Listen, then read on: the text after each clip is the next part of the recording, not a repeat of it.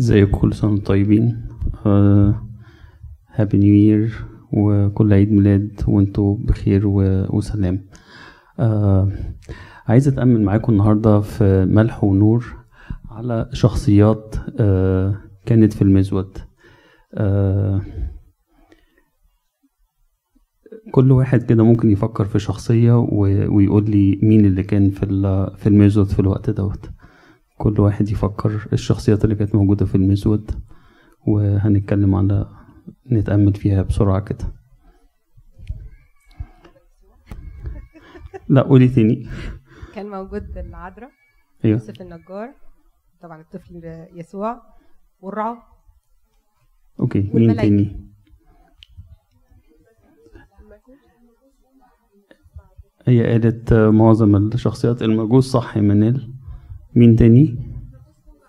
جم آه ماشي بس جم يعني آه، كانوا موجودين في الميلاد. أرجو أن أقول إنه المجوس ما كانوش موجودين في المزود المجوس جم بعد حوالي سنتين. المسافة ما بين المكان فيه ما بين النهرين بمواصلات ذلك الزمان تاخد ساعتين وعشان تاخد آه، آه، سنتين. عشان كده حتى الكتاب المقدس بيقول ولما رأوا الصبي ما قالش لما رأوا الطفل بالإنجليزي تودلر يعني ابتدى يمشي وبعد كده وذهبوا إلى البيت ما قالش ذهبوا إلى مكان الولادة فالمجوس ما كانوش موجودين في المسجد. آه، تمام يا انكر رمسيس. يعني هنتأمل في شخصيات الميلاد عموما. بعض شخصيات الميلاد. مشيها كده. أنا شايف أهم حاجة بس أنا بحب المجوس. سمعني. أنا شايف أهم حاجة هو المزود نفسه. في حاجتين لازم نتأملهم. الم- المسيح اللي هو رب الأرباب جه والتواضع وصل لدرجة إن هو يولد في مذبح. تاني حاجة تاني حاجة لما في واحد قال لي المسيح قال له إيه؟ أنا أتبعك مهما إيه؟ تروح. قال له إيه؟ قال له للثعالب اوجره أما ابن الإنسان فليس له أين يسند رأسه. أنا ليه بقول كده؟ لأن كل واحد بيجي أمريكا هنا بيتطلع إن هو يبقى عنده بيت وعنده فرنتشر وعنده لكشري لايف.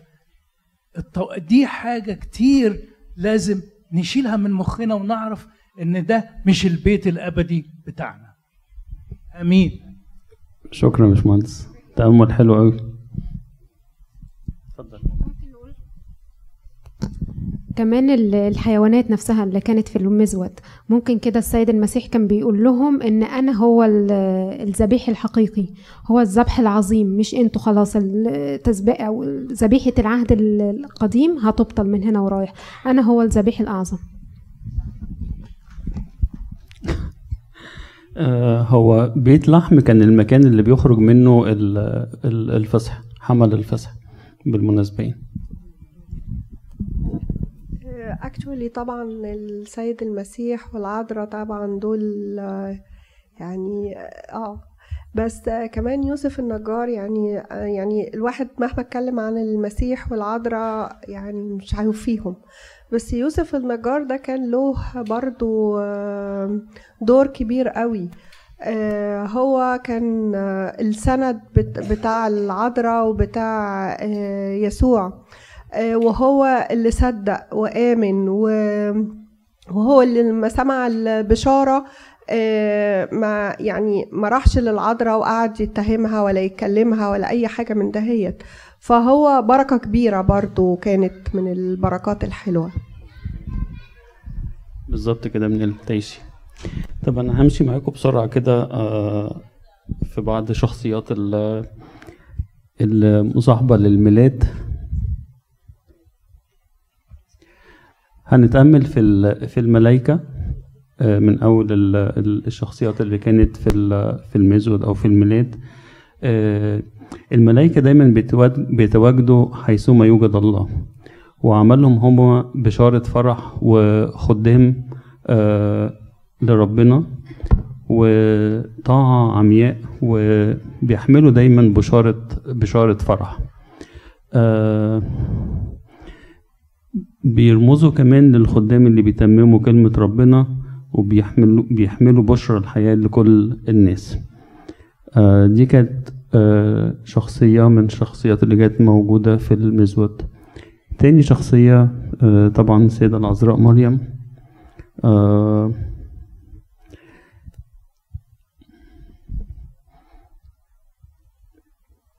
العذراء مريم بتتميز بصفات كثيرة كان أهمها طبعا ال- الإصغاء وحسن الاستماع لكلمة ربنا كان آه، من من صفاتها كمان الطاعة كان من صفاتها التأمل. الكتاب بيقول كانت آه، تحفظ كلام الله في قلبها وبتعمل بيه.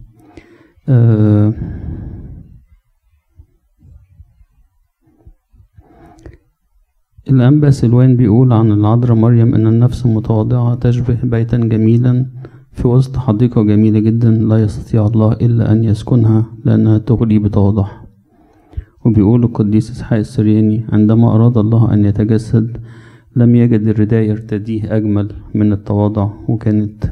آه، في شخصية العذراء مريم كمان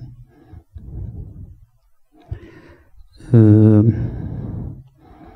زي ما منال قالت من ضمن الشخصيات ال- اللي كانت موجودة في المزود والميلاد وكان ليها دور كبير جدا ودور خفي قديس يوسف النجار.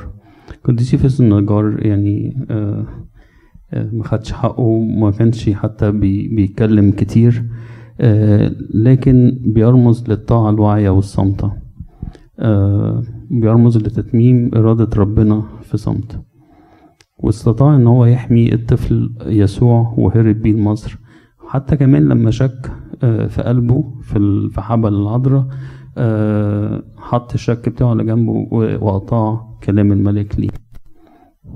بيرمز يوسف النجار لشخص بنى بيته على على الصخر. من ضمن شخصيات الميلاد كمان أو اللي كانت في المزود الرعاة.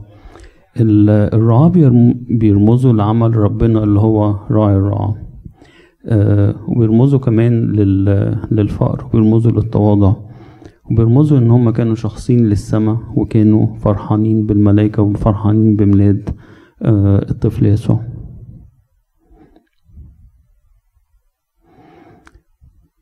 ودول ينطبق عليهم كل الكتاب طوبى لأنقياء القلب لأنهم يعينون الله. فعلا كانوا أنقياء قلب عشان كده استحقوا إن هم يعينوا ربنا.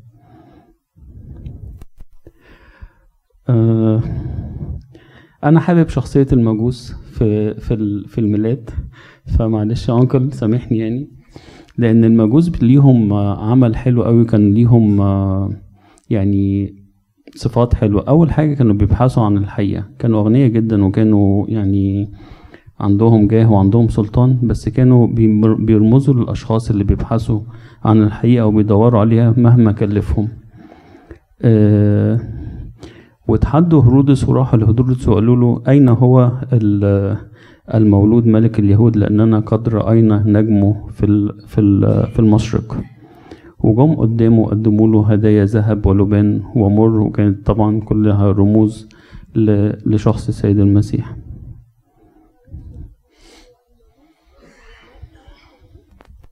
آه يقال إن هم آه، بيدرسوا الفلك وبيدرسوا آه. عشان كده حسوا شافوا إن النجم ده مختلف يعني. شكله غريب آه. زي زي العلم اللي هو حاليا بتاع علم الفلك أو الحاجات دهيت ولا ده different كان تالي كان different يعني تالي يعني. لو أنكر رمسيس يحب. يدي فكرة صغيرة عنهم يعني. كفاية كده مش.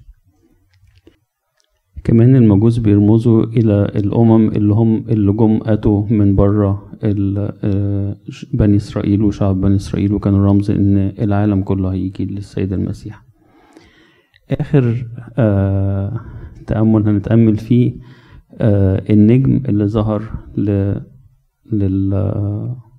للمجوس وأرشدهم لربنا آه.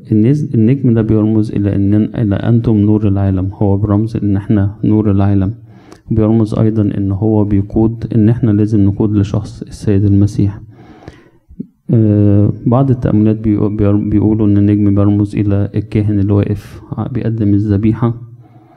آه، آه، النجم كمان دعوة إن إحنا نكون موجودين على المنارة وليس تحت المكيال. أشكركم جدا وكل سنة وأنتم طيبين. اتفضل. آه، قصدي أقول الآب السماوي اللي رتب الحدث ده كله آه، الخلاص وهو كان فرحان وهذا هو ابن الحبيب كل الأحداث. هو اللي رتب كل ده اختار العذراء واختار القديس يوسف وكلهم وإحنا بس يعني عايز نبص على ربنا هو كمان اللي رتب الخلاص. مظبوط. أهم شخصية. مظبوط تعيش. مظبوط.